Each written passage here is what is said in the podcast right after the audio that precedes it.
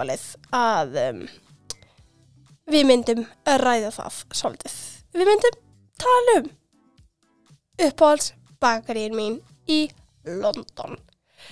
Um, þetta er eitthvað sem ég spurði mikið um, þetta er eitthvað sem ég síni mikið frá, þetta er eitthvað sem liggur hjartanum mínu mjög nær og ég held að þetta sé the perfect discussion um, fyrir okkur og þetta podcast. Þannig að with further ado, eða, ennsku slettinar verður örugglega svolítið miklar, ég er búin að tala ennsku núna í ykkur fjóra og fymta straight, um, allavega, Við erum velkomin í annan þátt að sunnundaskaffi, ég er sest niður í kósi fötunum, ég kom með kaffibotla minn, það frekar grátt úti, ég frekar nýja vöknuð, ég er sko aðeins með blitt hár, bara allt sko. Um, við ætlum að koma okkur vel fyrir og við ætlum að njóta þess að vera saman og spjalla um uppbólsbakari mín í London. Let's go!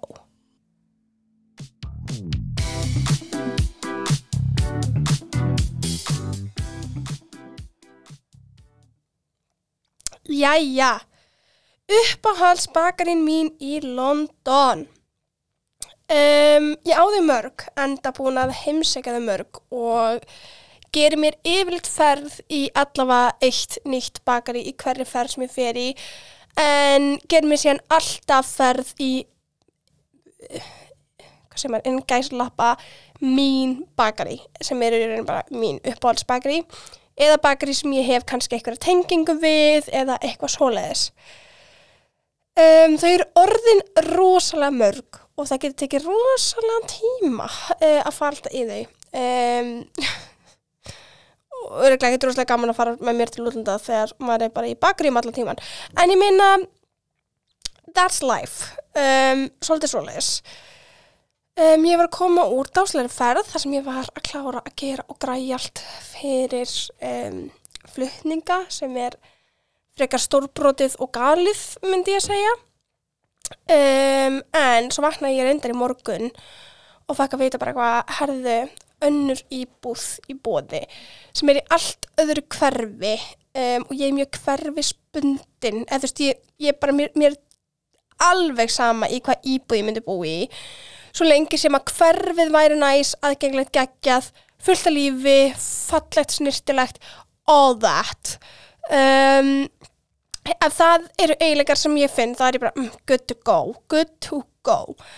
En já, ég sérst vaknaði morgun og uh, nú er ég bara oh my god, er þetta grænt ákvörður hvað er ég að gera, hvort er betra la la la la la og ég er búin að sko spyrna á Íslandekir London-grúpunni, ég er búin að senda á alla vini mína úti sem er ekki fáir, líka svona chosen family fólkið mitt sem er þú veist ekki kannski vini mínir en, en bara svona fjölskyldið mín skilji, bara svona fólk sem er að passa upp á mig úti.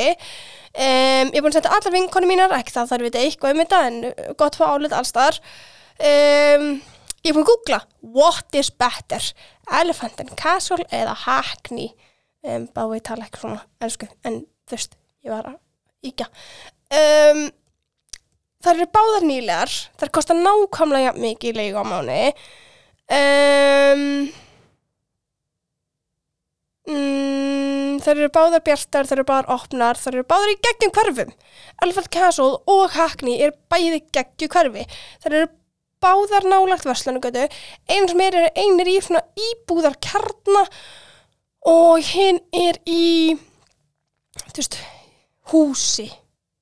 Ég veit ekki hvort ég er að lýsa svona vel. En allavega, uh, það er ekki það sem við ætlum að koma að tala um. Ég ætla bara að fá að af uh, leta af sálunum minni og segja ykkur frá. Um, ef þið heyrið mig brasa svolítið þá er ég með stóran kaffebotla í dag. Um, og ég verður ekki eitthvað aðeins að fekti honum í, í hérna þættinum en ég vona að tröfli ykkur ekki. Um, en já.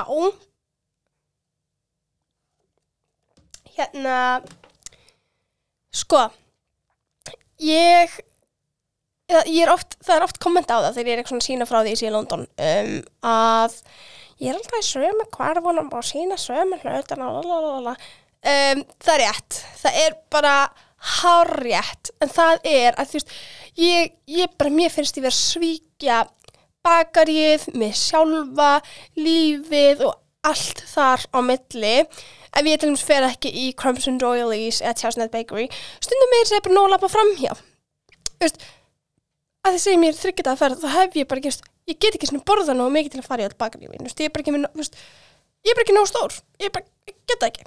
Um, og treysti mér, ég veit ekki eins og hvort ég hef verið sett út í kosmos en ég hef ansi oft um, farið í bakaríin og mér langar mikið, að ég kaupa og kaupa, kaupa, kaupa, kaupa og svo bara kem ég mér ekki að borða það allt.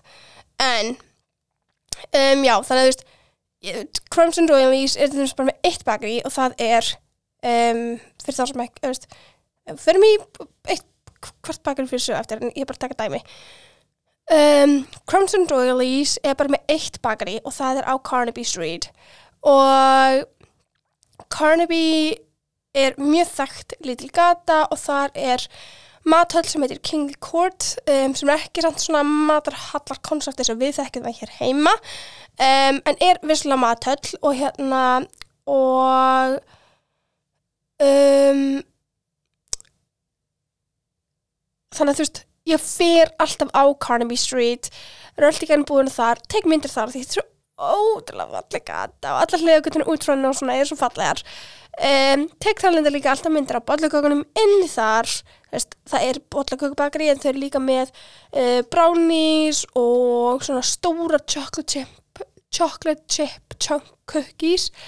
Um, og alls konar svoleiðis.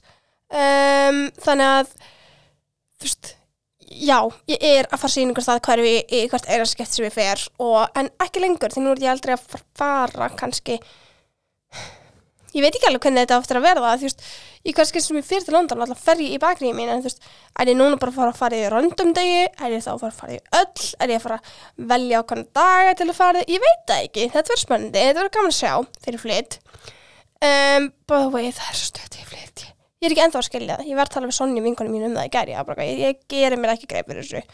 Og veist, þegar ég var að leðni heim frá London um, fyrir hvað þrjumdöfum já, þá var ég ekkert eitthvað mhm já, já, já, ég er að koma aftur eftir nokkra vikur, þá ætla ég að heima hér, alls ekki, alls ekki, ég er bara, oh my god, ég er aldrei að fara að koma aftur, lífið mitt búið, mér langar ekki heim, grænja og grænja og grænja, by the way, um, en enga síður, uh, mjög krútlegt, mjög gaman og allt það, um, en já, fyrir, fyrir núna ég að tala um bakarinn sjálf, um, ég ætla að fara bara í þau í no specific order.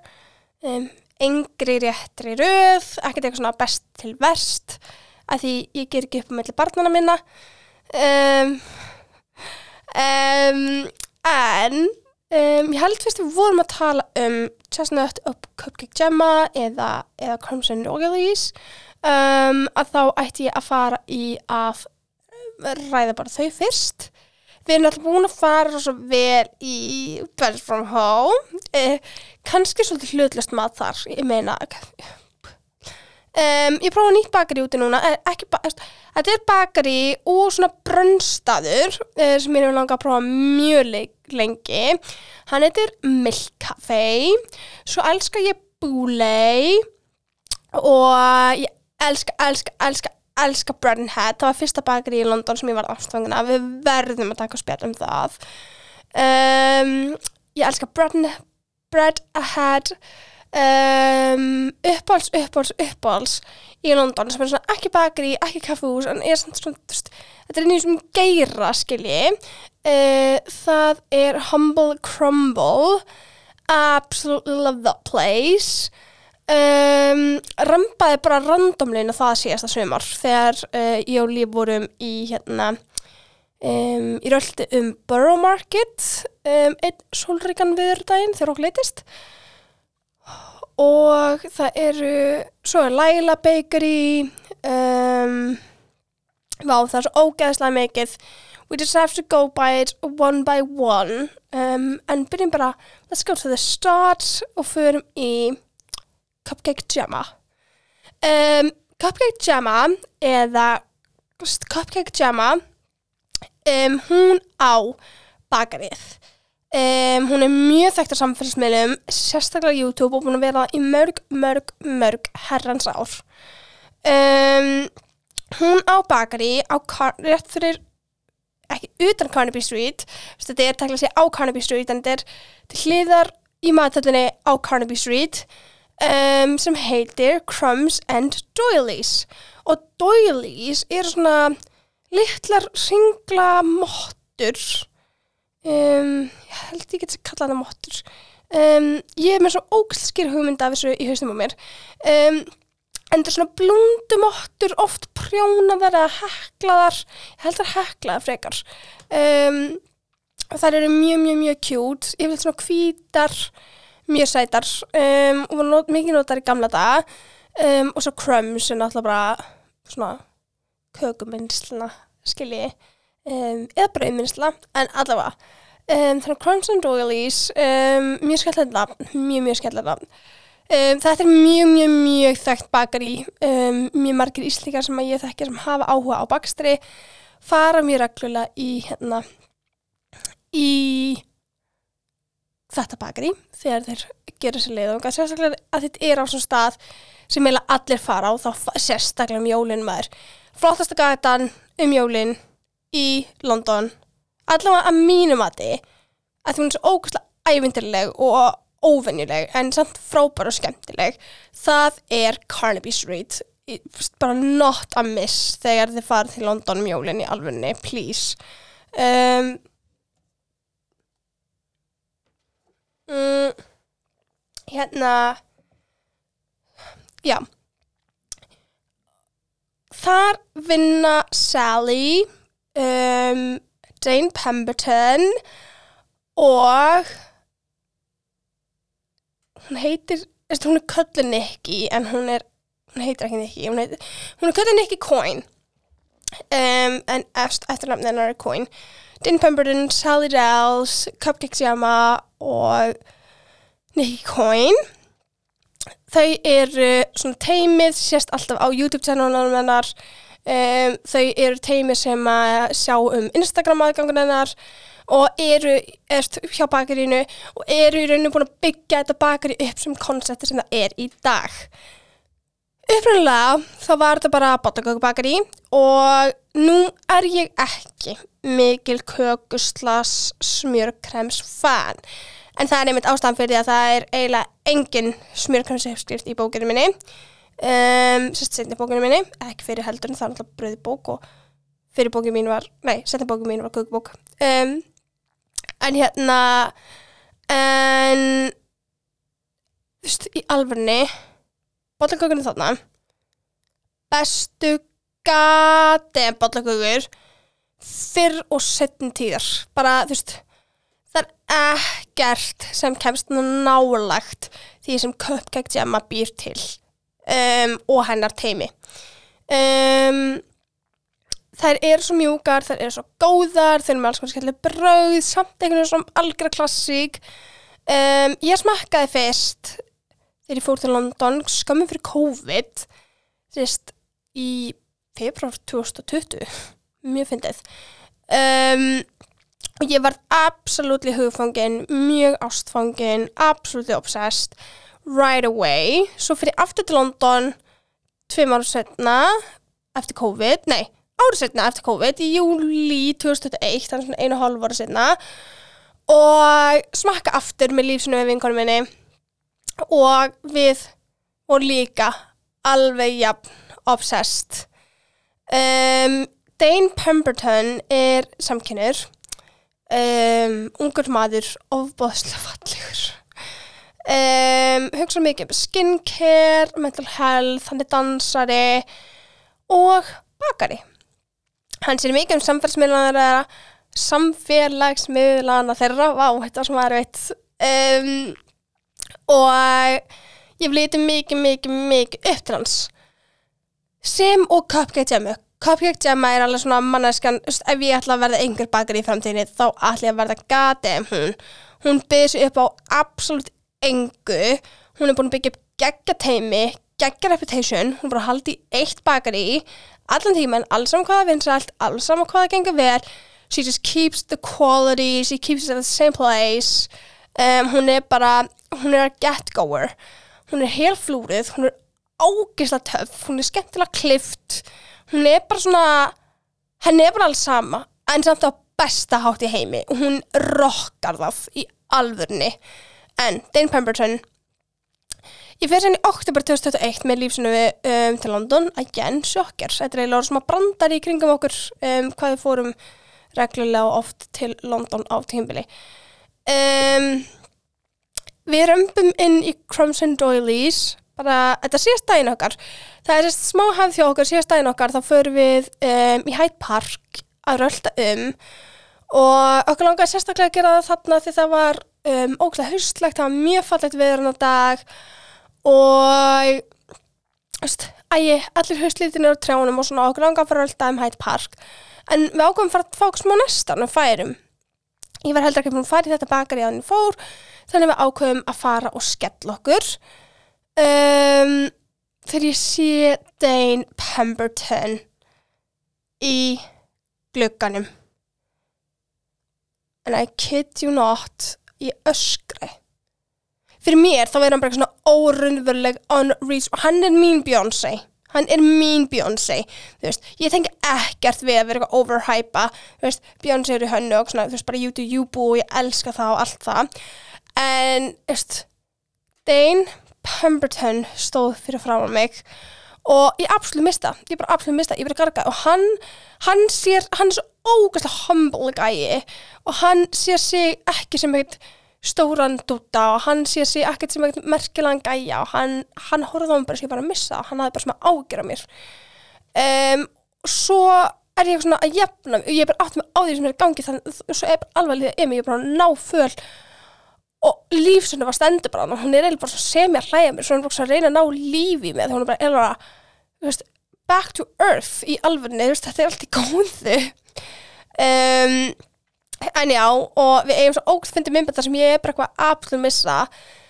Nema hvað, svo fer ég aftur í mars. Þetta er eiginlega vandrarlegt hvað ég var að fara reglulega, ég eiginlega veit ekki hvort ég hefur segið hvort allt. Um, en já, ég fer í mars um, og þá með Viktoríu og Líf og við varum aftur í Crumbs and Doilies Shocker og þar er hann aftur nema þá mynd hann eftir mér. Og ég hann er hei, jú það er eitthvað svona. Og ég veit ekki hvort það sé sko eiginlega vandrarlegt að því hann skilur mynd eftir því sem gerist líka en, en hérna já, hann sést mynd eftir mér og það fæk ég mynd með hann og það var mjög kjátt um, og mjög gaman um, en já, ég myndi klálega að segja að Biskoff vörðnar þeirra væru mínar uppáhald sem og Homer Simpsons kleinur yngur nei, ekki kleinringin, uh, eh, bollakakan uh, með kleinring á um, Rocky Road stikinn þeirra eru geggið en annars er ég bara big fan of all they do. Um, ég er rosalít ég er alveg bara smá erfitt með að vera eitthvað að fara að gera upp á millera um, og hérna og Já, en ég myndi klálega að segja að allar, veist ekki það, ég bara elska, elska, elska biskoff en biskoff, biskoff bollakökurnar eru alveg out of this world myndi ég segja. Og hérna mæl ég sterklega með þeim, ég ætla samt að skoða hérna því já, að sjálfsögðu nokkuð margar myndir. Og sko á sömbrinn þá voru þið með svona myndi ég segja aðeins skemmtilega úrval um, af þú veist, ég er miklu meira í svona fesku og svona leðis frekar en þungu. Og eins og sumrin þá er það með þú veist Tiramisu og Lemon Mess Lemon Mess ballakökarnir þeir eru frábærar og trúlega góðar gæti ekki mælt meira með og ég sverðað um, en já, ég myndi klálega að segja að sumurinn hjá þeim væri skemmtilega heldur en veturnar en þú veist, svo ætlum ég aftur á móti heldur ekki að fara að gera með milla því að þú veist það er allt frábært og best sem þau gera í þessum öllum, öllum heimi. Þannig að já, ferðangað um, Homer Simpsons kleinurringarinn er geggar, hann er skemmtilegur hann er frábær, hann er alls í vil þau eru með gott úrval af vegan bollakökum uh, þeir eru með ver, uh, vegan Oreo þeir eru með vegan Red Velvet um, alls konar. Það er náttúrulega bara misjamt eftir hverju bóði og þau eru alltaf með mismundi úrval frá degi til dags. Um, en já, Cupcake Jamma a must visit í alvörni bara gæti ekki gæti ekki mælt meira með. Mæl líka með að fylgja um Instagram og tjekka YouTube myndbandið þeirra að þau eru alltaf til uppskriftum. Og ég á báðar bækuna þeirra þau gáði út bók með Jamie Oliver fyrir bara lungu, lungu, lungu síðan. Og hún er geggjuð, hún er ógæslega góð og ég, þú veist, málið er ég kaup mér bara vanlega uppskriftabækur því ég er sapnaðum mér finnst það áhugaverð, mér finnst það skemmtilegar ég, ég les þær bara að það fyrir að sofa það er róandi fyrir mig og ég dyrka það. En bækunar hennar eru axlega alveg svona bækur sem ég hef bara bakað upp úr og gengið vel og dyrkað og verið sátt með. Þannig að þú veist, já, ég mæli alltaf sterklega með að eignast bækunar þeirra fylgjast með þeim á YouTube og follow þau á Instagram vegna þess að þau eru alltaf að deila skellum uppskriftum, myndböndum og svo bara follow þau individually, sérst, eitt og sér. Af því að þau eru öll að halda upp í geggum Instagram aðgöngum.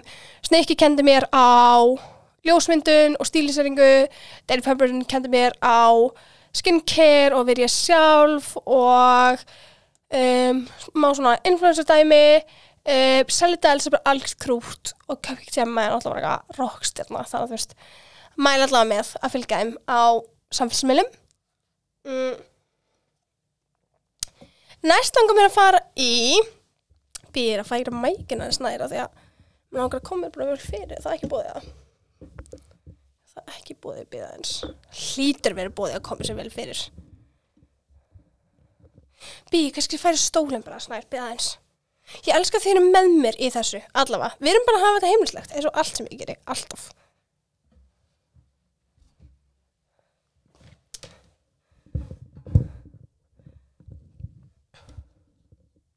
Hanna. Jæja. Um, Já. Sko Næst við að fara í Chestnut Bakery. Já, það er sem allir mikið næst um, Chestnut Bakery uh, var uppröndlega í hverfi sem byrjar á F og Fitzrovia held ég, með held maður þetta svona ég ætla ekki að ljúa, ég veit það ekki alveg. Maður ætti kannski að láta Google uh, Translate segja okkur hvernig hann segir þetta, við aðeins. Ef að gera það. Ég held að þetta með gera það. Mér finnst skemmt. Fitzrovia. Fitzrovia. Ó, það er Fitzrovia. Ok, hendum okkur í translate sem hann segir þetta.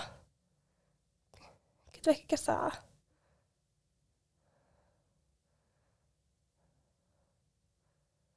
Um trans translate uh, uh, um fits fits rovia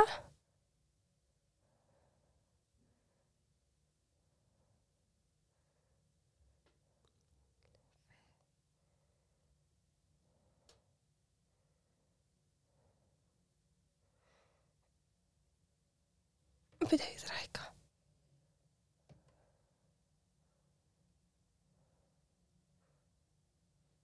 Það heyrist ekkert. Það er bara ég að...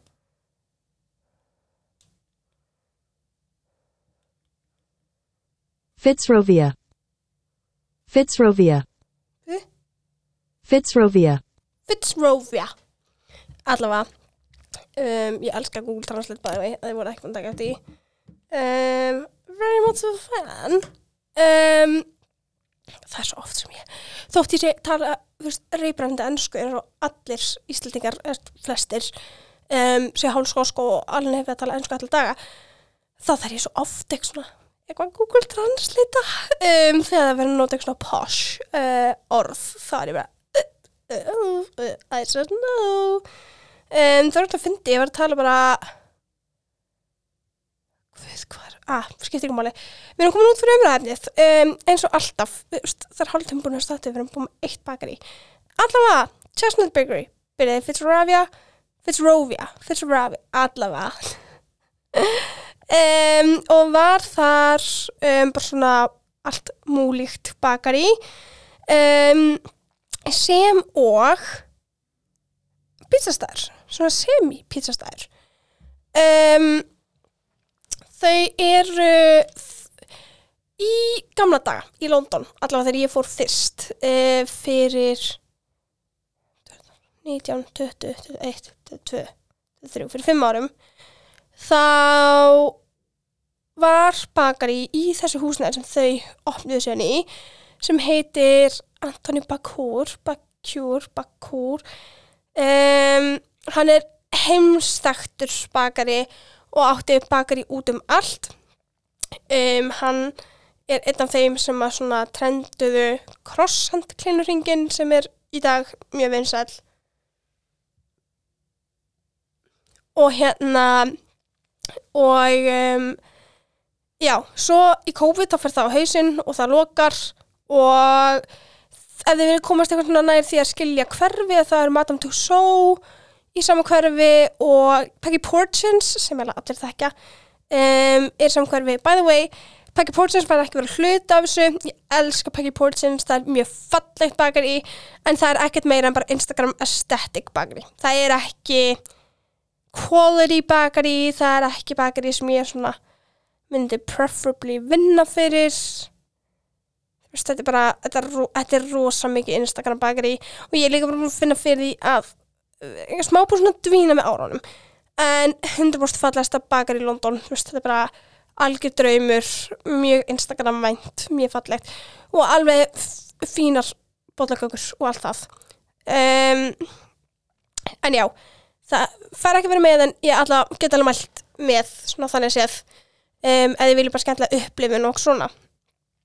En ég fyrir sérst fyrst í Chestnut Bakery eftir að fylgta á Instagram í langa tíma í desember 2021 til fyrir ein til London yfir jóla áramót og hérna fyrir þá að heimsæki Chestnut Bakery og var búin að senda á undan og svona var alveg gaman að fá að hitta bakarana og kannski kíkja á bakvið og spjalla við þá og svona sem var um, þarna var bara COVID, það var engin í bakarinu sem er mjög fyndið þess að fór ég aftur í mars það var svona aðeins búið létt á öllu og það var gat stappað. Og það meina ég stappað. Um, en já, ég fyrst til Chestnut Bakery hitti þar um, yfir bakaran og svo bara einn annan bakara um, sem og þeir, þá sem sjá um sér sjálft og svona. Og þeir voru svo ofbáðslega dásamlegir að ég endaði með eða sko nokkur klukkutíma inn í end.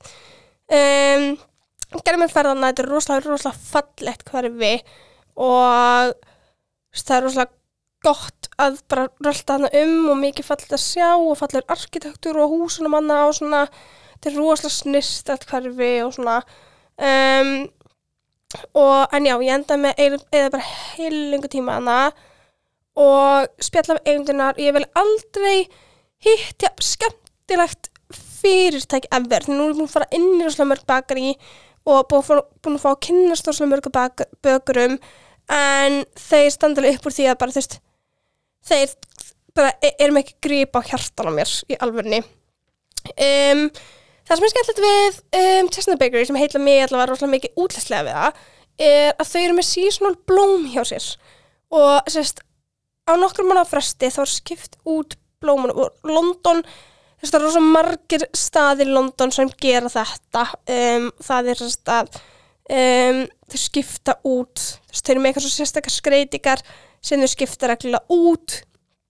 Og hérna og þau er sérst með blómaskreitingu framan á hjá sér, sérst framan á búðinu sinni fyrir utan hurðina og svona. Um, alls og yfir öllu húsinu þú veist, þið getur bara googlað þessan byggðu það sjáu þið það. Um, og þú veist, þess að núna þá verð ég að koma að heiman og að heiman lol, að, frá London. Um, og það er alltaf stett í páska og nú er þið búin að setja upp liljur og svona blá blóm og páskaginn á milli og búin að gera ógeðslega fallega svona páskablómaskreitingu og mér finnst í alveg bara smá spennandi að fylgjast með oh my god, nú er ég að fara út og veist, það er komið nýja blómaskreiting eða það er eitthvað nýtt að gerast og svona. Þau eru líka alltaf með mánalegt croissant þau eru svona mjög þekkt fyrir croissant cross, croissant sem sín um, það er svo miklu auðvöldar að segja þetta alltaf ennsku en allavega. Um, og já, þau eru mjög þekkt fyrir þau og þau eru með mánalegt nýtt croissant sem er þá yfirleitt svo februari valtins og croissant. Um, í april er eitthvað sem tekist páskunum. Um, mjólin er náttúrulega í desember er eitthvað jólatengt skilji. Í okt- oktober er eitthvað Halloween tengt og það er ekki kannski eitthvað útlislega en smá svona þú veist, um hausti er pottet eitthvað pumpkin spice biscoff, eitthvað svona þannig dæmi. Í mjólin er eitthvað svona bismarck eplakanir, la la la la um, já. Og bæði báður vinkonum mínar sem hafa komið með mér til Justin Bakery og smakkað eitthvað þar hafa verið saman mér um að þetta er í alveg bara mest outstanding croissant ever, fyllingarnar croissantið, allt saman outstanding. Um, geti ekki meld mér með en þau eru líka með geggju súrdesbrauð og flatbrauð, svona flatbrauð slass pítsu en svona meira svona flatbrauð. Um, ég mæli rosalega með að gera sér ferð þangað í góðan morgumat eða sundarskaffi um, eða svona, þú veist sérstaklega þú veist, eru kannski í íbúðu í London eða eitthvað svona. Fara þarna, kaupa súrútisbröð, láta skera það fara svo kaupa ost og smjör og svona og veist, bara eitthvað eða kósi hyggjastund þar. Um, ég mæli rosalega með því en svo í fyrra um sömari þá opnuðu þau Covent Garden um, á Floral, Floral Street sem er mjög e- viðeigandi með þetta með svona blómum og eitthvað. Og þar uppi er þið með sætissvæði um, þar sem þú sérð yfir allt Covent Garden og það er ógætt mikið líf, það er risagluggar og þar er ekkert smá huggulegt að setja og spjalla og bara vera til svolítið og ég mæli rosalega mikið með því í alvörni um, en já, Chestnut Bakery er með súrstisbrauð, flatbrauð, snúða, krossant geggjar samlokur í alvörni, 10 af 10 samlokur það besta sem ég hef smakkað hjá þeim um, sem er sérst ekki mánalega krossdeira þegar þau eru alltaf best og ekki súrdagsbröðin þeirra að þau eru líka best. Um, af öllum súrdagsbröðinum sem ég smakka í London þá eru þau alveg bara by far svona þau sem ég myndi fara að kaupa mér. Þú veist, ef ég er að degram og ég er að fara að kaupa mér súrdagsbröð þá myndi ég fara þangað. Um, en möndakrossat þeirra nú er ég möndakrossat fan og ef möndakrossat er vel gert þá er það besta krossantið skilur sem er ekki bara venilegt krossant þú veist af súklega krossandi pestasíu krossandi skingosti möndlu, þú veist, allt þetta. Um, og ég veit að sömur er ekki sammála mér að súklega krossant sé súklega krossant að það er peinu chocolate en já möndlu krossantið þeirra er outstanding ég veit ekki hvernig ég lýsa þig það er bara það er bara ekki hluti af þessum bara heimi, þú veist, þetta er bara það besta sem ég hef smakka á æfirum minni. Og nú er ég búin að smakka mörg möndlakrossant og ég bara veit ekki það er eitthvað heroin í þessu eða eitthvað svona. Ég sverðað, þetta er allavega bara það besta sem ég hef smakkað ever. Og ég gæti sterkla ekki mælt meira með. Um, en já, ég heldur sem að kofvera þetta bakar í smá. Þeir eru mjög skemmtilega samfélsmiðlum þeir eru mjög, með mjög fallaðan samfélsmiðl og ég mæli mikið með að gefa þeir follow þið verður fylgast eitthvað með. Og fá líka alltaf að vita hvaða croissant er hérna. Ánægilega croissant þeirra. En þau erast í herðu. Guð var ég að segja ykkur vittlust þau eru ekki Fitzrovia þau eru Belgravia. Herðu, ég var að ljúa ykkur. Þau eru Belgravia. Oh my god, allavega, við verðum að bara strók út byrjunina. Eh, bara í hausnum ykkar því að ég edita ekki þetta pod- podcast þannig hérna, þið verður bara að gera það sjálf. Þau eru Belgravia. Það er that's what it is. Um, já, Belgravia og Covent Garden geggið bara svona allt múlið bakar í mjög næs að setja starf á sig eitthvað gott og kaffibólla mjög danst, mjög skandinavist finnst mér persónulega uh, með svona krossandarum og sútisbröðunum og þau eru steinbökuð og um, eitthvað svona, en það er ekki þú veist, þema þeirra er ekki skandinavi sko. það, er, er frá okkur öðlandi, ég held að Gríklanda eitthvað svona, skemmtilegt, en allavega, mér finnst það, mjög skandinavist um, næst og við erum, ég elska að við erum ekki að svona skiptingar, við erum að fara næst og næsta. Um, næst langar mér að fara í Bread Ahead það er upprunnulega When They Started Out to Bay þegar þið byrjuð um, ég, ég sverða að þið verðið bara afsakað áður hérna þið verðið bara afsakað elskuslettinar ég er bara ég skal reyna að hætta þessu. Ég sver. Um, en besta, besta bread ahead ég smakaði það líka þegar ég fór í fyrsta skipti fyrir fimm árum. Um, þegar ég fór í fyrsta skipti á Borough Market með Guðfunnu og mömmu hennar. Um, ég man ekki hvort sýstarna að vera með fór sérst út af heimska sýstarnar bestu. Og það var dýrumætasta dýrumætasta ferð í alfrinni um, þar byrjaði ást mín á London. Sjátt að það er fyrir aflöfð mér að koma með því að shit, hvað það var dýrmætt ferð eftir að görbræðið. En já, um, Borough Market er sérst lang, lang, lang, lang, lang, lang lang skemmtilegast en matarmarkaðan í London.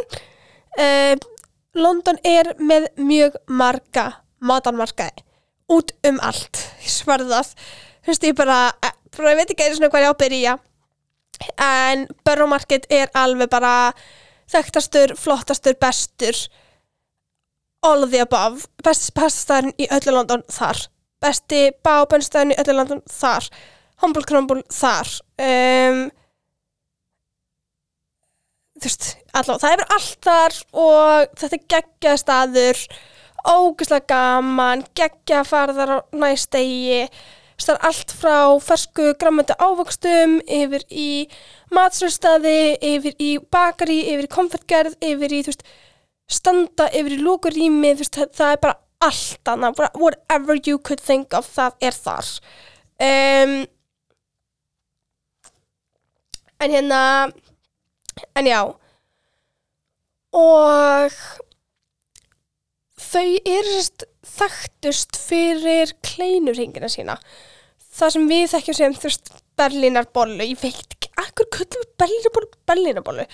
Þú veist ég bara, ég, ég, ég vil svo mikið vita starffræðan á baku við það og við þurfum eiginlega bara að komast bots í því að því að alls þar annars þar í heiminum er það bara þekkt sem fylltur kleinurhingur um, en um, já þau eru þekktast fyrir kleinurhingina sína sem er sérst fylltir með alls konar geggjum fyllingum. Þetta er svona ger kleinurhingir, djúbstektir um, stundum með flósagrifir, stundum með engifir stundum með sigrifir um, bara misjamt og svo alltaf fylltir með einhverjum spiluðum spiluðum fyllingum í alfunni um, pistrikjumni þeirra og fyllingarnir þeirra og ganasatnir þeirra og allt það eru bara þeir allra bestir sem ég hef smakkað á lífsleginu minni. Það er alltaf röð út á gatum götu hjá þeim. Um, alveg smá skemmtilegt konsept en þau eru ekki þau eru ekki með neitt inni þú veist. Bakarið þeirra er væntalega inni þú veist, öll framleiðslan þeirra. En þar sem þeir selja er bara lítill sölustandir út á gangstjætt fyrir utan. Um, og þetta er bara borð, bara eitthvað tré drastlborð um, svona sólhlíf yfir eða svona veist til að passa upp á matinn skilji.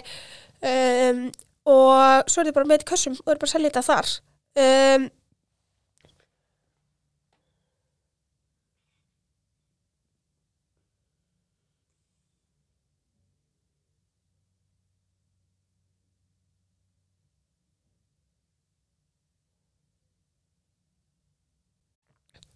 En já, Bread Ahead er samt ekki bara bakari með kleinurringum í, eða fylgtum kleinurringum, berlinabólum, hvað sem við viljum kalla þetta. Um, þau er líka með súrdagsbröð, croissant, brownie sem er geggjuð, um, snúða, alls konar eitthvað svona breadsticks og alls konar skemmtilegt. Um, bakarinn sem opnaði og á það hann heit, heitir Matthew og þegar ég fór með mamma og pappa til London 2019 þá fórum við í sömarferð til London. Ég veit ekki, ég veit ekki hvort þetta hafi bara verið svo rosalega látt eftir mig. Ég var alltaf búin að tala með langa til London lengi, lengi, lengi. Svo allt í enn endur við allir ferð til London sem er mjög ólíkt okkur því við erum svona vorum, erum, whatever you wanna call it um, fjölskyldar sem fer í sumafrí til, til spánar eins og allir íslendíkar um, en en já við allavega förum hann til London ég fer með þeim og ég er með myndavælunum mína eins og alltaf, ég er búin að vera háð bestu litlu sæti myndavælunum minni sem ég keft hana fyrst. Og ég er ekki svona að taka myndir að þeir eru með svo risa stóra glugga um, þar sem ég getur séð inn í vinslu og inn í bakari og þar er ég eitthvað svona bara dúllast, taka myndir, eitthvað lalala, gaman. Þegar ég sé það er eitthvað maður að horfa svo mikið með á mig, ég er eitthvað svona vá, ég kannast okkur við þig. Herðu, er þetta ekki Matthew sjálfur? Eigatinn sem er bara hann er eiginlega bara ástæðan fyrir að ég survivaði COVID og ástæðan fyrir að ég útskrifaðist og bara allt þar á milli. En þegar ég sérst fór síðan til London með össu í februar 2020 það getið bókar þeirra. Og ég dyrka þessa bók, hún er geggjuð. Hún er smá svona eitthvað sem bóki mín bakað með henn og Rós fyrsta. Er svolítið svona byggð upp af. Það eru rosa báður skandinaviskar það eru mjög ólíkar skilji. En svona þú veist, hún er rosa mikið insbó fyrir þá bók hjá mér allavega og mér þykir mjög vænt um sérst, þessa bók frá Bread, Ahead um, en já, þau eru þekkt fyrir kleimringina sína. Um, ég mæri sérstaklega með að gera sér færð þángað fyrir þá. Um, þau gera geggi bread sticks eina sem eru þar að ólífrið mér finnst ólífrið ekki góðar um, I wish í alfunni, þú veist þetta er bestu bread sticks ever það verður ekki ólífrið um, en fyrir náttúrulega skólifur mælið með. Það er skemmtileg stemming um, það er ógæslega gaman að gera sér ferðana og sérstaklega maður er bara í hverfinu. Ég mæli þá líka með að gera ykkur ferð á Padella sem er pastastæður og gera sér ferð á um, Bá sem er bábænstæður og ferð í Humble Crumble sem er svona eftir þetta Crumble um, mann er líka sterklega með því. En já svo, ég var samt að segja eitthvað svo fór ég ein, jú, nei jú, já fór einn til London síðasta sömar í Nei, já, þetta var septemberferði mín, shit, má, maður er alveg bara fann rögla saman ferðið, maður er búin að fara svo oft. En ég fór sérst til London í í fyrra í viku. Ég bara gæti dúli dúli ferð, það var ógæslega gaman. Um, og hérna, og þar fór ég á Borough Market til að fara í á bá. Ég var endur að gista bara við hliðina og þannig að þú veist, ég bara ég var alltaf bara að velta hana, kíkja hinga, kíkja þangað. Fór kóktel það, það geggjar kóktelstæðar þar líka sem heitir um, ég manna ekki alveg núna en ef ég manna það skulle segja eitthvað um, en allavega og ég er bara ég er að velta um Borough Market þegar með því lappar á móti mér í ángurins bara án þess að hugsa, án þess að framlega neðanar pælingar svo mikið sem sekundabrót það er bara, oh my god, hi Matthew. Ég, er bara eitthvað svona lætur sér þekkan og ég er bara hi. Um, og hann er eitthvað svona hey, ég er svona just wanted to tell you. Og ég er sko með myndbata þar sem ég er bara svona, að ég var fyrst bara að taka mig upp og svona, var bara svona að fara að setja stóri á Instagram eins og venjulega þegar ég sé hann og ég er bara að segja nú hvað hann er mikil fyrirmynd og hvað hann hefur hjálpt mér mikið og komin í gegnum margt og svona. Og hérna og við endum bara í einhverju svaka spjalli inn á miðbaramarkett og hann er bara standardan fyrir frá mig, bara eðlast maður í heimi. Og ég á mér svo sterkar og mikla fyrirmyndir í lífinu að það er alveg svo áhugavert að veist, ég er alveg bara ædolasta fólk og þetta fólk er bara miklu ofar mér í mínum heimi og svona.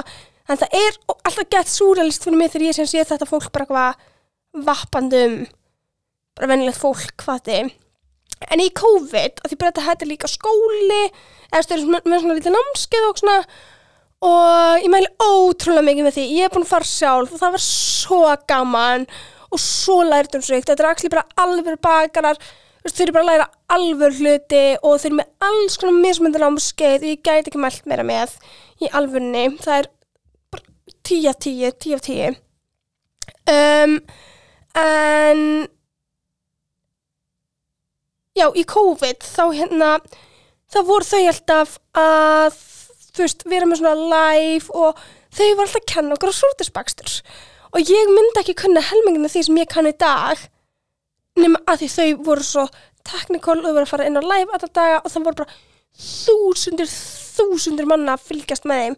Um, og bara læra af þeim og eitthvað svona, þú veist, við byggum, byggum til smá svona lítið samfélag bara í, í þessu öllu saman. Um, sem var mjög dásalegt og mjög gaman. Og ég geti ekki mælt meira með því, það var var óklæð gaman að fylgjast með því. Mælt með, þetta er náttúrulega búið í dag, veist, þetta er ekkert lengur í gangi. Um, en á þeim tíma þá var þetta mjög skemmtilegt og ég var alltaf að deila með mínum fylgjum með svona herði, veist, mælum með að fara að fylgjast með. Veist, þau kendi fólki svo ógislega mikið. Þar var Matthew bara alltaf, bakri var alltaf lokað og svona. Og þar var Matthew bara að sína frá og svona, en það er á víðara stöðum heldur en bara í börnumarkett núna. Hins vegar þá er ég á móti. Um, ég mæli bara með að fara á original staðin þeirra um, fá original upplifinuna og svona að því að það er bara svo miklu miklu dýrmætara in every way possible í alfunni um, já ég veit ekki, þú veist, þeir eru búin að ofna með þessu Dubai og allt sko en ég mun alltaf hands down bara ekki fara neitt annar stað nema Brother Hats í hérna í Borough Market.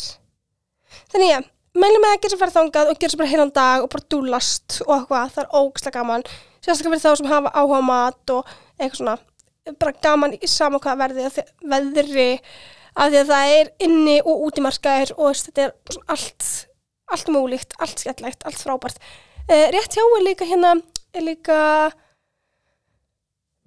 hvað heitir það, svona þriftmarkaður svona fatamarkaður og húsgagnamarkaður og svona um, sem bara vennilegt fólk er með og svona og ég mæli líka með því er mjög gaman allt þangað, ég mun að gera það tveir sinni núna um, mjög gaman. Mm.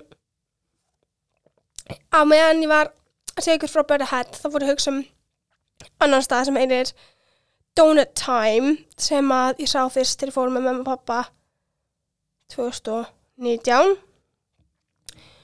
og á þeim tíma þá var ég búin að fylgjast með um Instagram ég er bara, oh my god, lalalala fattar og ég er bara eitthvað að overhypa um, eitthvað klein og hringastað turns out að þetta er bara sama dæmi og þú veist Krispy Kreme og hvað heitir hitt Dunkin Donuts eða eitthvað svona. Þetta er bara ógeðslega fjölda framlítri kleinuringir um, not the standard we wanna live up to. Um, ekki næs, mæla ekki með. Mjög fallegt, mjög instagramvænt mjög aesthetically pleasing. En ef þið eru með ef þið eru með einhverja standarda yfir höfuð þá er þetta ekki ekki the place to be. Um, næst að við stökk bara örsnögt inn í Burns from Home. Ef það er kannski fyrir hlusta núna í fyrsta skipti það er ekki fyrir hlusta allir hinn þetta er mína. Ef þið eru að gera það, neina þá spól tilbaka og fara samt að hlusta hinn þetta er mína. Að þið kynnist mér bara mjög betur að þið gera það. Og ég mælu bara með um, þú veist ég sjálf frá plug, ég minna shameless plug. Um, en já, ég er sérst að vinna í Buns from Home.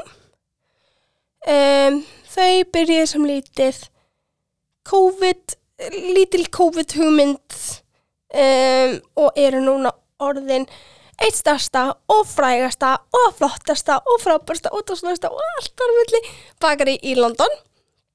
Um, og þau selja bara eins og er mm, sneak peek um, snúða um, croissant snúða og focaccia úr croissant snúðum um, og eitthvað svona og þau eru með savory, þau eru með sweet. Hvað segir maður? Á önskuð? Nei, íslenska myndi ég. Þau eru með sæta brauð og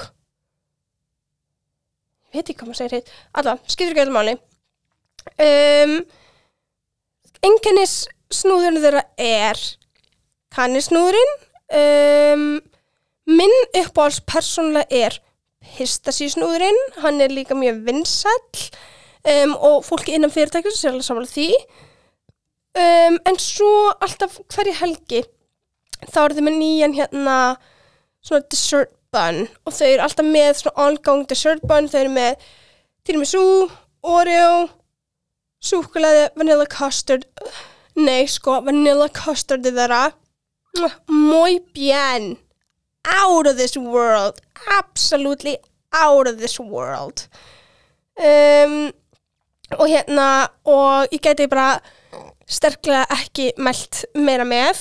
Um, um, um, um, um já, og alltaf eins og mánu ein, nei. Hverja helgi þá eru þau með nýja tegund af sérst, helgar dessert bonn, sérst, bara hverja helgi þá er nýr snúður sem kemur inn sem er svona dessert snúður úr klossadegi sem er með eitthvað skemmtilega fyllingu þú veist, þau voru með núna helgirinn sem ég var úti sem ég var að koma heim úr um, þá voru Mother's Day og þá voru þau með Mother's Day bun og þeir eru bara alltaf switching it up, alltaf ekki eitthvað skemmtilegt um, veganir þar á endan þá, og þessi bakar það er ógæðslega skemmtilegt að það er svo mikið svona fyrirtæki sem heldur sér saman, fyrirtæki sem að um, elskar starfsfólk og bara í hverju mán, nei, í hverju viku um, þá fá bara allir dritt út hugmyndum sem vilja stælti bakarnir og svo er valið bara svona, omgætt já, þetta er geggi hugmynd og koma ekki með hugmynd eða eitthvað matcha, slass, kirsuberja dessertbón um, og þá bara það hent í eina helgina, skilji. Um, og það er alltaf að vinna sér svo geggja teimi sem er svo ógeðslega gaman. En Burns from Home er komið með fimm mismunandi hérna staði og fer ört stækkandi. Um, ég mæli mest með Soho eða Carnaby Street. Um, Covent Garden það er vinsalasta skemmtilegasta og svona mest þau búðin þeirra. Um, það er alltaf rauð þar lengst á götu. Og ef þið finnið ekki staðin það er alltaf að fara að vera skilti rétt hjá stendur á follow your nose. Að þið er alltaf að finna, fara að finna lyktina staðinu bara lengst í burtu. Um, og svo Notting Hill það er upprunlega staðinu þeirra. Um, en þau eru all over maður er bara með að googla en já, Carnaby Street Com nei, Covent Garden og Notting Hill er svona my favorites my favorites. Um, já, ég held að það var svona svolítið coverið þann stað. Við fórum svo gíkandi stítilað í staðin þegar ég hérna var að tala um að ég var að flytja til London þeim tætti, þannig ég held að við þurfum ekkert að hafa þetta oflánt um, en já, Bones from Home my favorite, my place. Um, svo ætlum við saman um, ég og þau að byggja upp eitthvað, gegn koncept um, fyrir framtíðina. Um, þannig að þú veist, já let's get that going. Um, það verður gaman, það verður mjög mjög gaman. Ég er mjög spenntur því, mjög til í það. Um, Jæja, ok, nú erum við svona búin að fara yfir hvað, mín fjögur af fimm uppáhaldsbakari, við erum búin að fara yfir Crumbs and Doilies? Cupcake, nei, það er sama. Um, Crumbs and Doilies um, Bread Ahead Buns from Home Chestnut Bakery. Chestnut Crumbs and Doilies Já, við erum búin að fara í Buns from Home, Crumbs and Doilies Chestnut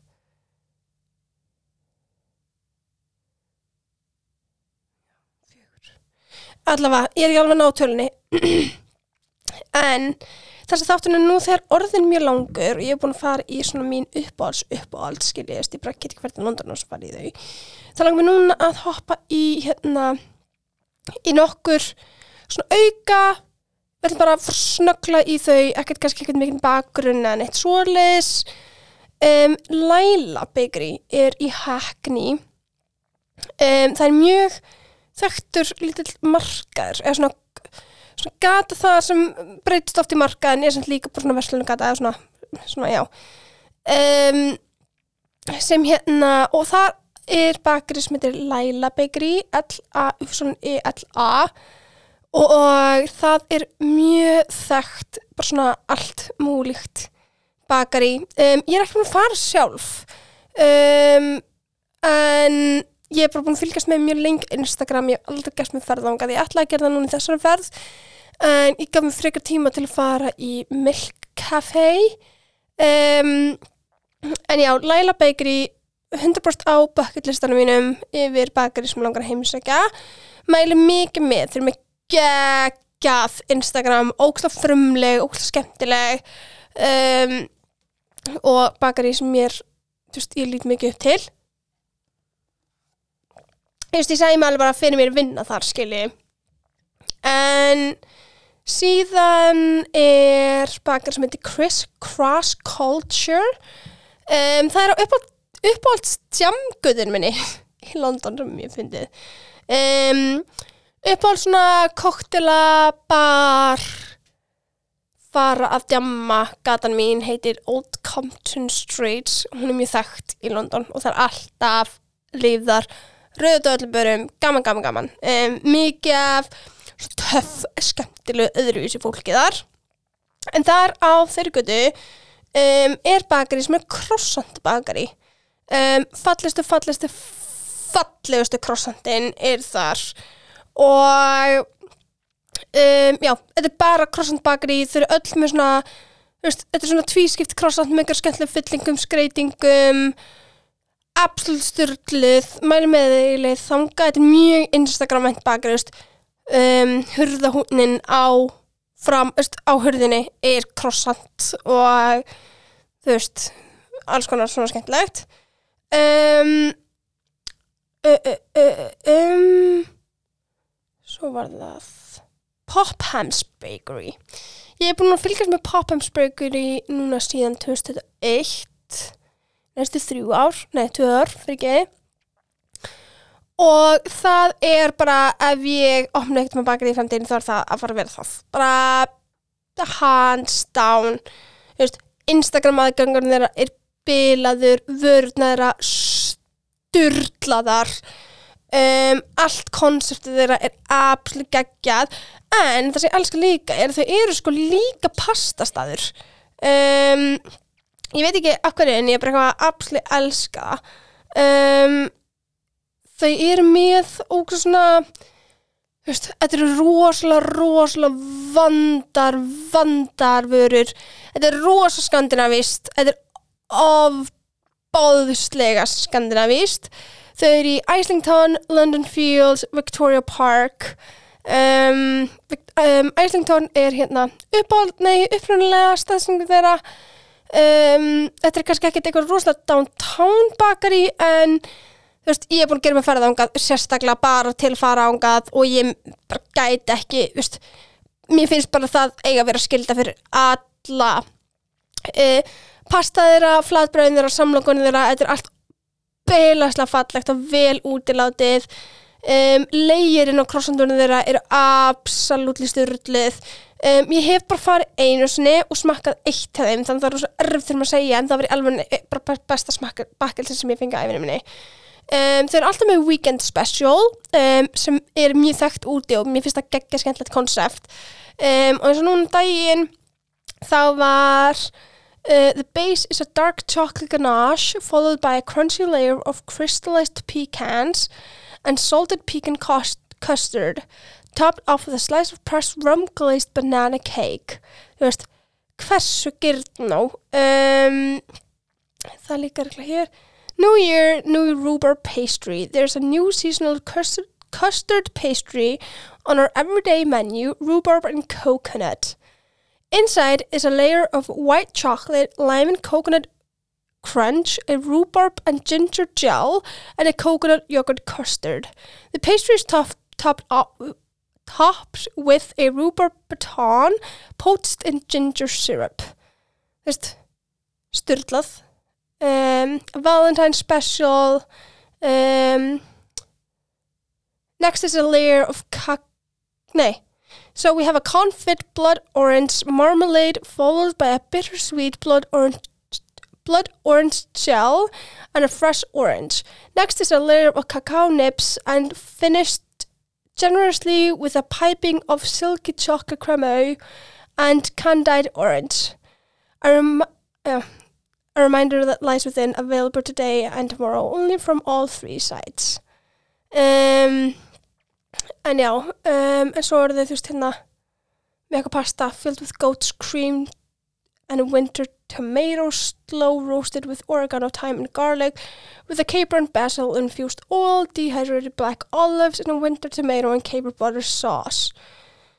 Um, this dish was inspired by an early version of putani, pu- puttanesca, puttanesca from Naples olive í Tubarelli rosa ítalst, ok, meaning olives and capers um, ég sé að það eru rosa margir þekktir frægir bakarar að fylgja þeim sem og margir íslenskir. Markus, vinnu minn, er hér sem á deg, Hekla Karin, vingunum mín hérna, að þannig þöll Þóri Lófusa þekktu bakar í bransunum um, Ari, Helga Gabriela Nicky Coyne Cupcake Gemma Matt Adlard, um, minn absolute favorite um, Logan vinnu minn.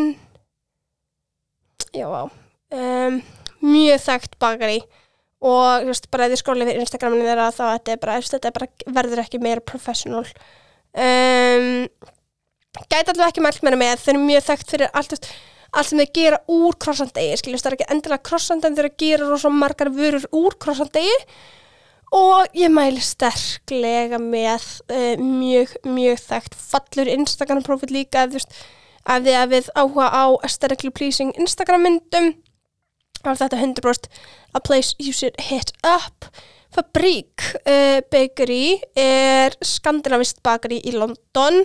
Um, ef þið eru Íslandingar í London sem hafa mögulega kannski búið í Sjöpen eða Svíþjóð eða eitthvað svo leðis um, þá sko þau eru í Stockholm, London og New York. Um, en þetta er bara eins skandinavist og gerist. Um, þau eru að salja kalsnúða og hérna og kardamambollur stökjara bollur og bolludaginn þetta er held í einu staðin sem ég mun geta fengið bollu og bolludaginn næsta ári. Hver veit nema ég fái Buns from Home til að henda í bolludags feast á bolludaginn næsta ári, hver veit allavega, um, kannski verður bara weekend special þá helgi eitthvað bolludags skemmtilegt, hver veit Um, en já, uh, dansrúbröð, bóldarsbollur, kardamammasnúðar, kanilsnúðar og allt þar á milli. Um, þau eru located all over London, þau eru mjög þekkt fyrir kardamammasnúðar sínar. Um, og já, ég, veist, þau eru með croissant, þau eru með alls konar skemmtilegt. Þau eru með, veist, þau eru mjög gæðamikil, þau eru mjög góð, veist, uh, ég veit ekki, finnst þess að London sé ekkert rosalega góður góður, góð, góð, gott veit ekki um, í skandinaviskum bakstri þar að segja skilji um, kanilsnúðar kardamammasnúðar og allt svoleiðis um, veist, could be better could be better um, þau eru rétt hjá Harry Potter safninu Leicester Square, Covent Garden um, þau eru all over London mæli með að gera sem fær þangað. Um, sérstaklega ef ykkur vantar bara eitthvað svona sem hlýjar okkur hjartað, ógla simpul, ógla basic en, en stendur alltaf fyrir sínu.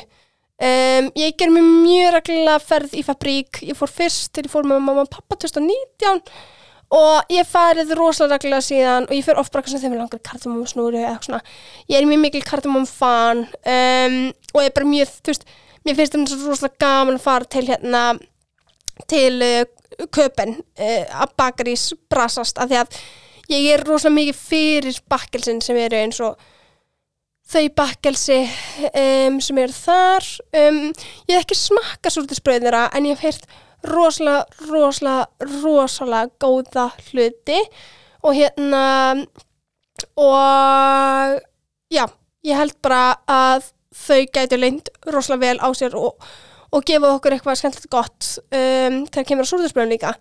Þau eru í Fitzrovia, um, Notting Hill, Notting Hill er rosalega frækt þegar bakar í einn sín, en allavega um, það er rosalega fínt hverfi og þekkt þegar lítur ekki húsið sín og svona. Um, Covent Garden, Shoreditch og High Holborn. Um, ég vun fara í Covent Garden, High Holborn og Fitzravia um, Fitzravia, Fitzravia fyrir bara að reyfa eða eitthvað. Allavega um, það er staður sem ég mæli sterklega sterklega með. Um, Humble Crumble við verðum let's just take a moment and bow down um, þegar ég var lítil lítil, lítil Nóra um, að þá var mjög reglulegt, sérstaklega á sumrin og svona inn í haustin að henda í rúbarb crumble. Um, þá sérst um, já byggum við til eitthvað svona rappa bara mauk, ég veit ekki eins og hvað ég að kalla um, það var líka oft úr eplum og byggum svo til crumble settum við og bögum þetta saman svo var ísi að rjómi eða custard með um, þetta er mjög þekkt brest dæmi. Um, og pabbi er náttúrulega frá Skotlandi og hann gerði mjög oft þegar ég var krakki. Um, en Humble Crumble opnaði sérst bara special crumble custard stuff. Uh, þeir eru með geggjöð vegan options í alfunni, þeir eru komin mjög langt í þeirri þróun, þeir eru er vegan custard sem er hjút, því custard er bara mjölk, slags, rjómi, smjör og egg, þú veist pluss eitthvað smá sigur og svona. Um, um, ekki rauður. Um, en já ég, þau eru með seasonal hérna, fyllingar, þú veist eins og sumar þá voru þau með kissuberry og hundberry uh, mixed berries. Um, þú getur fengið alls konar toppings, þú getur fengið marens, granola. Um, þú getur fengið ís, þú getur fengið custard, þú getur fengið alls konar oná. Þau eru located í Borough Market og á fullt af öðrum stöðum hér og þar. Þau eru komið ógeðslega mörg location, verður með að tjekka á því. Þau eru komið um, Humble Crumble. Þau eru með sko vegan gluten free options og other intolerant options þá er það örugglega eitthvað netur og alls konar, uh, en þeir eru með alls konar seasonal, eins og núna um, er þeir með salted caramel pecan, apple crumble um, og hérna já, svo voru þeir með eitthvað Mother's Day special, veist þetta er allt rosalega Instagram, þetta rosalega fallin allt búið til staðnum sem er gala þetta er bara pínu, pínu, pínu, pínu, pínu lítil staður. Mm, crumble, humble crumble það er on top of this world. Um, ég er búin að fara með líf svona við vinkona að smakka og ég er búin að taka guðfinni vinkona að smakka og við erum allar bara samanlega outstanding, absolutely outstanding. Um, þetta er uppáhalds orðið mitt eh, bara í ennsku í alvegni um, um, um, við ætlum að tjekka hvert eru komin. Að því að þau eru komin á þú veist, ég veit ekki svona hvað marga staði. Find Us hérna. Þau eru komin á Old Spitalfields Market. Það er rétt hjá City. Ef við veitum hvað Sushi Social er og eitthvað svoleiðist þá er það rétt hjá því Bar Market, My Fave, Their Original Destination og þau eru bara komin á þann tvo staði. Ó ég held að vera komin all over. Us serving hot crumbles all week long at Old Spitalfields Market and Borough Market. Ok, skemmtilegt, þau eru bara komin á tvo staði. I love that, í alvegni, let's not expand too big. Um, þau eru ógæslega joyful alltaf, það er svo gaman að heimsækja þau. Og þau eru bara playful, þau eru skemmtileg þau eru frábær, gæti ekki meld meira með um, það er einn af mínum bara svona all time faves í London og þú veist um, já, bara mæli með. Um, við verðum með að taka sér þátt um uh, uppáhalds kaffibóllanum í London að því að núna er ég búin að vera að fara svo mikið að skoða alls konar kaffistæði í London og ég er alveg komið svona nokkur uppáhalds og alveg skoðanir á hvað kaffi er gott og hvað ekki og þú veist hvað er of Instagram hyped og hvað er nice og svona. En það er sendir vandamál eitt í einu, þú veist, sjáu hvað hausinn minn fyrir alltaf langt fram í tíman, þú veist, við erum aldrei bara einstað einu.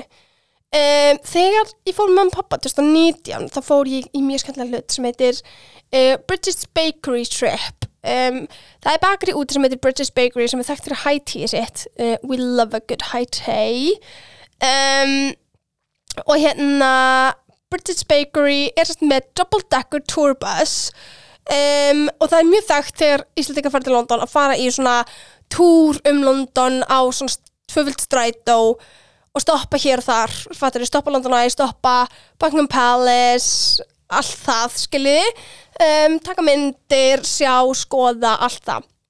Bridget's Bakery er sérst með svoleiðir nema þegar þú ert inn í strætónum þar setur við borð og færð high tea það er geggjur hérna tourguide og það er tónlist í gangi allar tíma en geggjur væð, þú getur setið uppi eða niðri um, alls konar mismunandi borðum, þú fara að eiga glasi sem að þú kaup, nei hérna ferð með og svona lítinn taupoka um, og það eru þú veist samlokur, bollakökur, tart, makkarónur um, skonsur all that you could ever want. Þú getur valið að með kaffi og te og svona, það er svona við kannski vlokum einn daginn og förum í það og hérna höfum það sem svona sundarskaffa okkar einn daginn.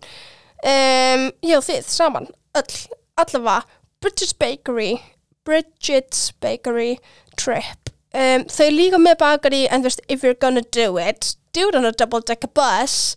Að meðan þið keiri í gegnum London í alfunni gerði ekki vel meira með. Þetta var þetta rosalega langu þáttur.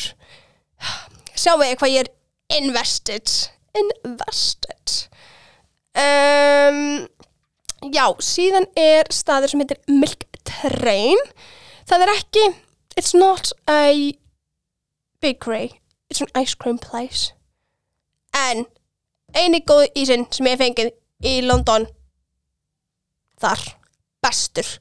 Ég held að fara svona fjóru sinum, fimm sinum núna. Um, outstanding, love that. Um, þið, þú veist þetta er smá svona bræðuröðu væp þú veist, þeir sitið saman eitthvað svona eigin samsetningu af ís og fyllingum og sósum og, og skrauti og alls konar. Og svo fáið þið kandiflas utan um ísinn.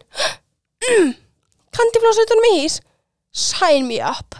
Um, saltkarmel ísinn þeirra er að mínu persónulega mati bestur. Um, ég fæ mér hann í boxi í á kón það er bara ógeðslega erfitt að halda á ef hann er í kón en já, mæn alltaf sterklega með um, besti ístæður í heimi þú veist, ef þið eru að fara sumur til you can't miss it, uh, þið verðið að fara. Absolutely love of my life. Um, ég er að passa ég sé ekki að gleyma absolutt neinu. Um, góði staði fyrir brönns er allir breakfast club staðnir en sérstaklega í Soho, Berwick Street. Um, absolutt frábær, love that place. Um, um, um, um, um. Herðu, það er síðan staður sem heitir núna er Óli ef, ef Óli verður hlusta þannig bara akkurstu ekki bara næðina stað ég veit að hún elskar þennan stað. En hérna byttu aðeins þetta er mjög, mjög þekktur staður í London ég á að muna hvað hann heitir en akkurat núna það er alveg bara manni það ekki. Gefið mér one minute.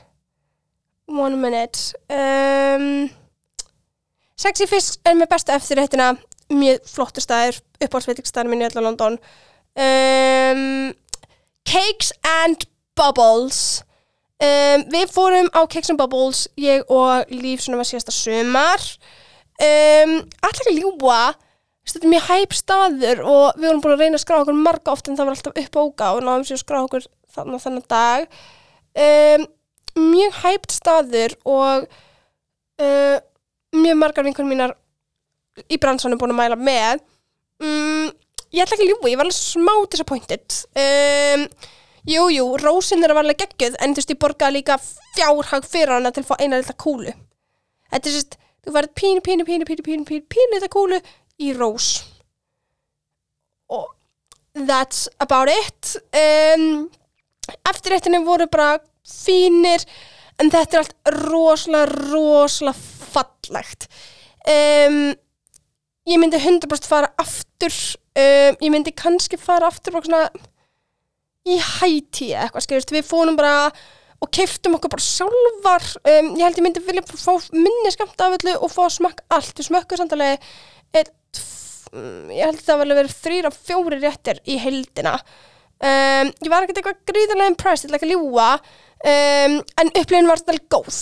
Þú veist, allt sem ég smakkaði var alveg gott en þú veist ég var bara að búast við aðeins meira svona wow factor.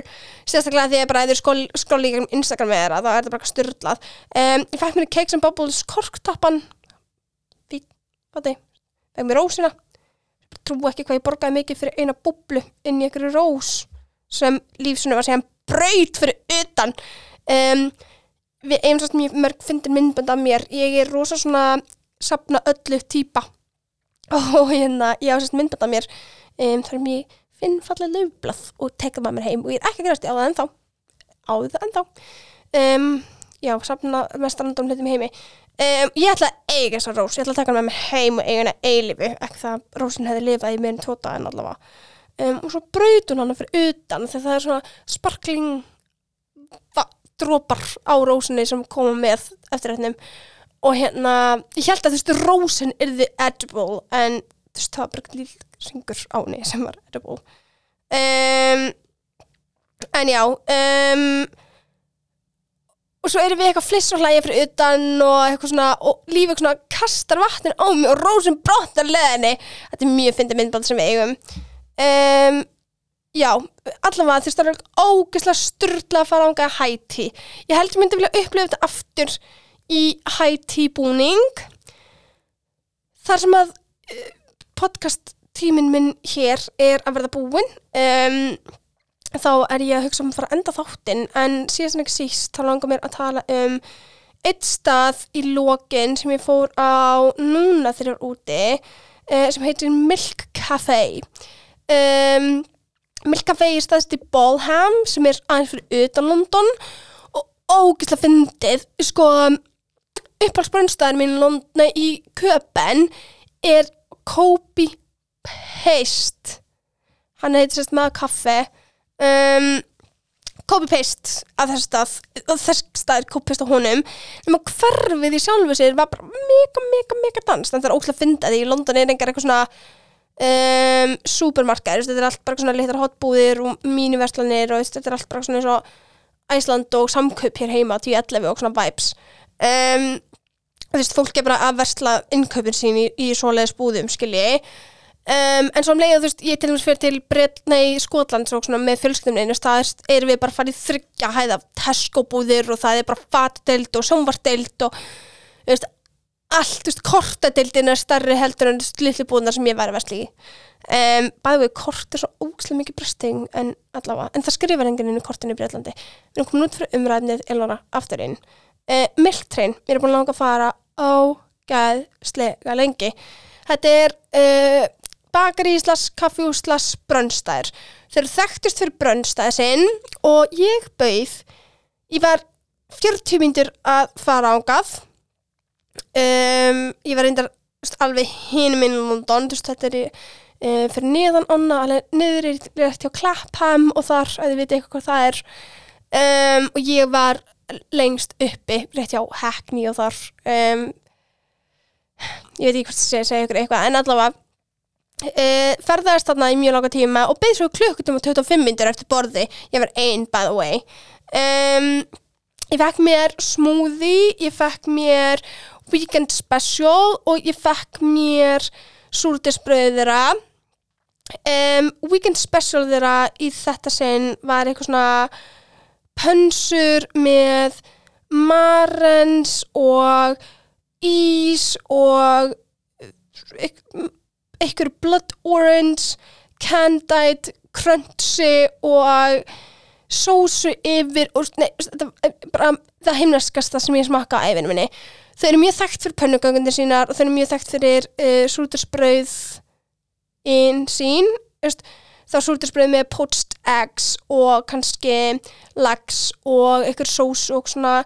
Um, málið er, mér finnst það að falla inn þannig að þegar staðir eru Instagram fallegir að það verður vondir. Um, og þegar ég sé ofta raðir þá er ég sko frekar hlindi að fara í ufa átt frekar að vera eitthvað, ok, já, mér langar að fara skilji.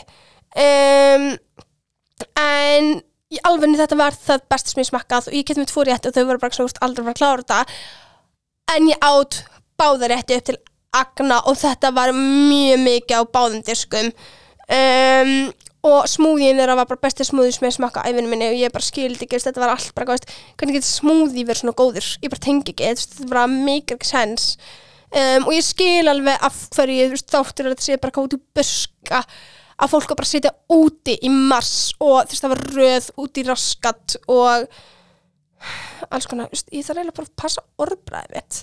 En allavega Milk Café um, ég verði alveg að lesa fyrir ykkur hvað weekend special var, það var buckwheat pancakes with mar macerated blood orange graham, gra graham cracker crumb tonka toasted marshmallow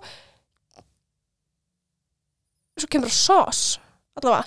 Bailey's ganache brunib tú tú ég myndi að halda þetta að vera túle en þetta er T-U-T-L tútle túl túl túlú allavega og, leafy blood orange posay posay hvað er posay alveg, já, I have so much to learn um, sem ég er búin að sjá núna þegar ég er úti. Alls konar, alls konar orð sem ég er bara what the hell what the hell? Um, en já ótrúlega, ótrúlega skemmtilegt og spennandi. Um, þannig hérna mikið úrval, ótrúlega fallegt ótrúlega skemmtilegt. Besti matur sem ég smakkað í London, svona brönnslega séð. Um, og já, bara gæti ekki mælt mér vel, brjálæslega vel útilátið, brjálæslega fallegt, fallegur staður skemmtileg karfi, ég hefði svo mikið ef það hefði ekki verið síðan staður, menn ég verði ekki að flýta mér. Það hefði verið svo mikið til ég rölda líka bara um staðinn og skoða þjónastan var öll upp á sko 20,5 gæti ekki mælt mér með. Það var allt bara dásamlegt. Um, ég held að við, ég hef búin að tala þetta hratt í um þætti, ég man ég talaði um fyrir nokkuð þáttum að ég rosalega hratt og ég væri að vera svolítið meðvitið um það. Um, en ég hef búin að tala svolítið hratt í þessu þætti en það er bara því ég er svo ógæslega spennt og ég á það til að ég verð spennt að þá um, já þá gera slutur eins og þetta. Um, og ég fyrir að tala mjög hratt. En já, þannig hérna við skulum fara endan þátt. Við erum búin að komast yfir ansi, ansi margt. Ég held sem að vera að taka upp í sko næstu í tvo tíma eða eitthvað. Ég veit ekki alveg sant en ég veit bara hann er mjög langur. Ég átti tvo og hálfa tíma bóka í stúdíónu það er tímitur eftir þessu tveim og hálfa tíma. Um, fyrir með endan þátt fyrir maður að kalla þetta gott. Ég er svo endurnærið eftir að hafa fengið að kíkja eins heim til London og hitta fólki mitt í Grænjabaði, just ég var ennþá grándi í gær sko. um, ég var í vinnunni í gær og ég held ein um, á kvöldin að vinna um, og byggja sér í, ó, labbaði fram hjá mér að gráta að því að feim bestu vinnu minn ringdi og sagði mjög fallegt og ég höndla ekki. Ég höndla ekki þessa skiljuslösu ást í alveg I can't even. Um, allavega, það var smá vandralegt en samt bara, allt í góðu. It's okay Eleonora, it's okay. Um, mjög meir, mjög endurnærð mér svo svona talaði með gær bara eitthvað svona hvað ég er bersinlega hamingsum með stana sem ég genuinely er um, ég lakka til þegar ég flytt út að taka með í öllus bakari. Það er þeim öllum inn á hérna samfélagsmiðlunum mínum. Það er þið getur séð öll í story highlights um, í ferðunum mínum allt saman. Og já, við þurfum bara að kíkja sér saman þegar ég loksins flytt út og við gerum eitthvað skemmtilegt og svona.